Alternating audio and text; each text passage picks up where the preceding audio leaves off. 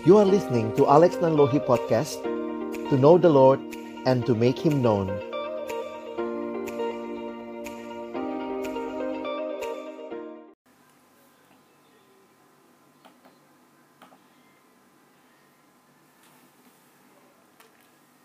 Bapak Ibu yang dikasihi dalam Tuhan Yesus Kristus. Apakah terdengar suara saya? Oke. Bapak Ibu Saudara yang dikasihi dalam Tuhan Yesus Kristus, Natal kita rayakan sekali lagi. Dan kesempatan ini jadi indah karena tema kita bahwa palungan untuk Sang Raja. Yesus yang mulia datang dengan hina agar kita yang hina jadi mulia. Catatan Matius pasal yang kedua ayat 1 sampai ayat yang ketiga. Secara khusus ketika para majus datang, Bapak Ibu perhatikan ayat yang kedua. Mereka bertanya, di manakah dia raja orang Yahudi yang baru dilahirkan itu? Dan lihat respon Herodes, ayat yang ketiga. Ketika Raja Herodes mendengar hal itu, terkejutlah ia beserta seluruh Yerusalem. Para majus datang mencari raja orang Yahudi, tapi respon Raja Herodes yang saya mau soroti secara singkat malam ini. Raja Herodes terkejut beserta seluruh Yerusalem. Apa artinya terkejut? Terkejut bisa berarti gelisah, khawatir, terganggu. Mengapa, saudara? Sedikit latar belakang tentang Raja Herodes, kalau kita perhatikan, pada masa pemerintahannya yang panjang dan dinodai dengan lumuran darah, kerajaan Romawi bahkan menjadikannya raja orang Yahudi yang sebenarnya cuma raja boneka, karena sesungguhnya Herodes ini orang asing. Bapaknya seorang Edom, ibunya seorang putri raja Arab. Jadi Herodes sama sekali tidak punya hak sebenarnya atas tahta raja Yahudi. Akibatnya tahtanya sangat goyah dan dia sendiri ketakutan terhadap pesaingnya. Dia paranoia berat Bapak Ibu sekalian. Dan jika ia melihat orang yang dianggap atau dicurigai sebagai pesaingnya, segera dia bisa menghabisinya. Bahkan sejarah mencatat bahwa dia membunuh istrinya Marian, ibunya Alexandra, dan ketiga putranya. Saking takutnya tahtanya diambil. Aristobulus, Alexander, Antipater. Dia membunuh lebih dari setengah anggota Sanhedrin dan bahkan banyak pamannya dia bunuh saudara, sepupu dan kerabat lainnya. Ini raja yang takut sekali tahtanya diambil sehingga sejarawan Yahudi Yosefus menyebut dia monster yang tidak punya belas kasihan. Kaisar Agustus mengatakan, ya lebih aman jadi babinya Herodes ketimbang jadi putranya. Betapa mengerikan reaksi Herodes tapi Bapak Ibu Saudara sekalian, bukankah itu juga reaksi kita yang ketika sedang merasa diri raja, sangat takut tahta kita diambil oleh raja yang lain. Ini adalah cerminan manusia yang berdosa. Herodes cerminan dari kita semua. Manusia yang selalu lupa diri bahwa diri kita bukanlah Allah, bukanlah raja. Kalau kita rayakan Natal sekali lagi, kita jadikan palungan, hati kita seperti palungan menyambut sang raja. Maka tidak mungkin dua raja duduk di tahta yang sama. Kalau betul Yesus adalah the true king, only one person can sit on the absolute throne. Kalau Yesus sungguh-sungguh raja, Bapak Ibu Saudara dan saya harus turun tahta. Natal kita menyambut raja di palungan hati kita, tapi siapkah kita turun tahta? Berkata kepadanya bahwa engkaulah yang punya hidupku, engkaulah raja, engkau bertahta di atas segalanya, bukan hidupku, tapi engkau yang kumuliakan. Banyak orang tidak siap merayakan Yesus sebagai raja. Most people just want Jesus as consultant rather than a king. Tapi kalau betul Yesus adalah raja dan memang benar dia adalah raja atas segala raja. Timothy Keller mengatakan Jesus cannot be just like his claim make us either kill him or crown him. Sehingga pertanyaannya bagi kita yang sedang menyambut sang raja yang lahir di palungan hati kita? Is God the king of your life? The king of your family life dalam hidup sebagai suami dan istri, dalam hidup keluarga dan kalau dia raja, dia bertahta maka kita siap turun tahta dan berkata Tuhan, hidupku untukmu.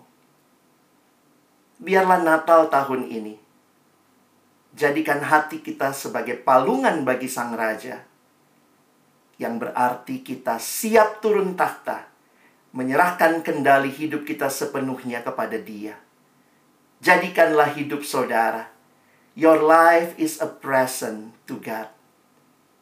Selamat menyambut Natal dan memasuki tahun 2021, tahun rahmat Tuhan yang kembali kita nikmati bahwa bukan aku rajanya, tapi sungguh engkaulah bagi hidupku. Amin. Mari kita berdoa.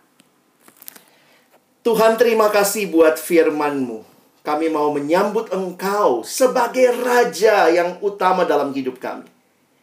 Apa yang kami lihat dalam perjalananmu yang kami susuri hari ini dari tempat-tempat Bethlehem, Kana, Yerusalem, mengingatkan kami, kami punya Raja di atas segala Raja. Bagimulah kemuliaan. Tolong kami merayakan Natal dengan siap turun takhta dan mengatakan bagimulah segala kemuliaan.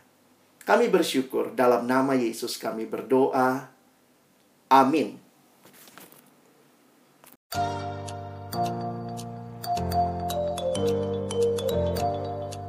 You are listening to Alex Nanlohi Podcast To know the Lord and to make Him known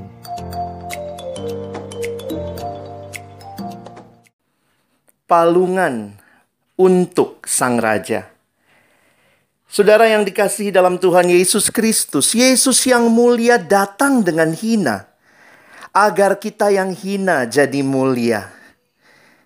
Matius pasal 2 ayat 1 sampai 3. Sesudah Yesus dilahirkan di Bethlehem di tanah Yudea pada zaman Raja Herodes, datanglah orang-orang Majus dari timur ke Yerusalem dan bertanya-tanya, di manakah dia, raja orang Yahudi yang baru dilahirkan itu? Kami telah melihat bintangnya di timur, dan kami datang untuk menyembah dia. Ketika Raja Herodes mendengar hal itu, terkejutlah ia beserta seluruh Yerusalem. Para Majus datang mencari raja orang Yahudi Menarik jika memperhatikan Matius pasal 2 ayat yang ketiga dikatakan ketika Raja Herodes mendengar hal itu. Terkejutlah ia beserta seluruh Yerusalem. Terkejut. Ini dapat berarti gelisah, khawatir, terganggu. Mengapa begitu rupa terganggu Raja Herodes? Bapak Ibu Saudara yang dikasihi Tuhan, Raja Herodes pada masa pemerintahannya yang panjang dan dinodai dengan lumuran darah, kita bisa melihat sedikit tentang apa yang menjadi karakter raja ini. Kerajaan Romawi menjadikannya raja orang Yahudi walaupun dia hanya raja boneka. Karena sesungguhnya dia adalah seorang asing, bapaknya seorang Edom dan ibunya seorang putri raja Arab. Herodes sama sekali tidak punya hak sebenarnya atas tahtanya. Akibatnya, tahta Herodes sangat goyah. Dia hidup dalam ketakutan terhadap pesaing. Dia menderita paranoia berat.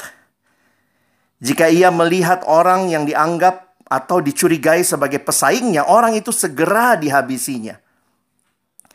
Sejarah mencatat dia membunuh istrinya, Marian, ibunya Alexandra dan ketiga putranya, Aristobulus, Alexander dan Antipater.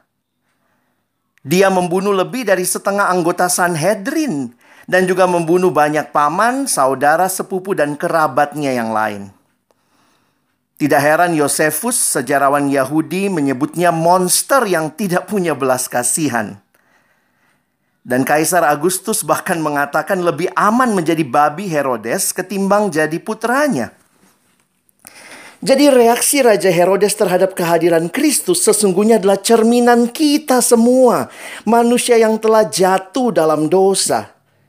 Yang sebenarnya kita selalu lupa diri bahwa kita bukanlah Allah.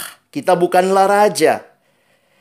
Sehingga kekhawatiran Herodes sebenarnya menjadi kekhawatiran setiap kita yang juga sedang merayakan Natal karena ada raja yang lahir dan kalau betul ada raja, maka sebenarnya di dalam setiap tahta hati kita only one person can sit on the absolute throne. Hanya satu orang yang pantas duduk sebagai raja di tahta. Tidak mungkin dua raja duduk di tahta yang sama. If Jesus is the true king, then he is the one who's supposed to be at our heart as king. Bapak, Ibu, Saudara yang dikasihi Tuhan, waktu kita kembali merayakan Natal, hati kita seperti palungan bagi sang raja, tapi pertanyaannya, kalau betul dia raja, maukah kita turun tahta dan mempersilahkan dia bertahta di pusat hidup kita?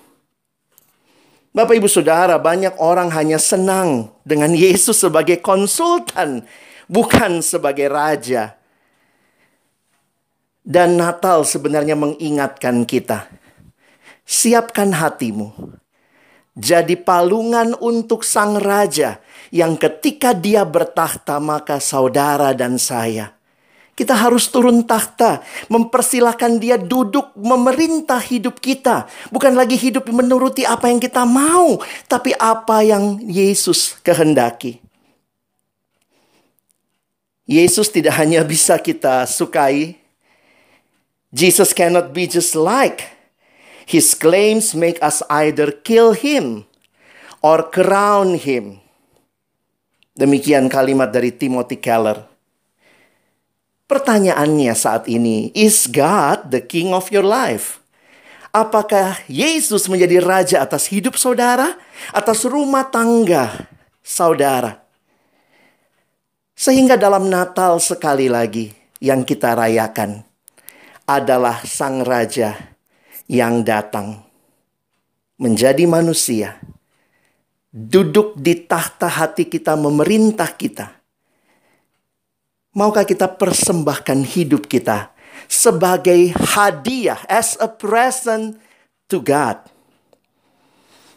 Biarlah Natal tahun ini kita maknai kembali dalam anugerah Tuhan.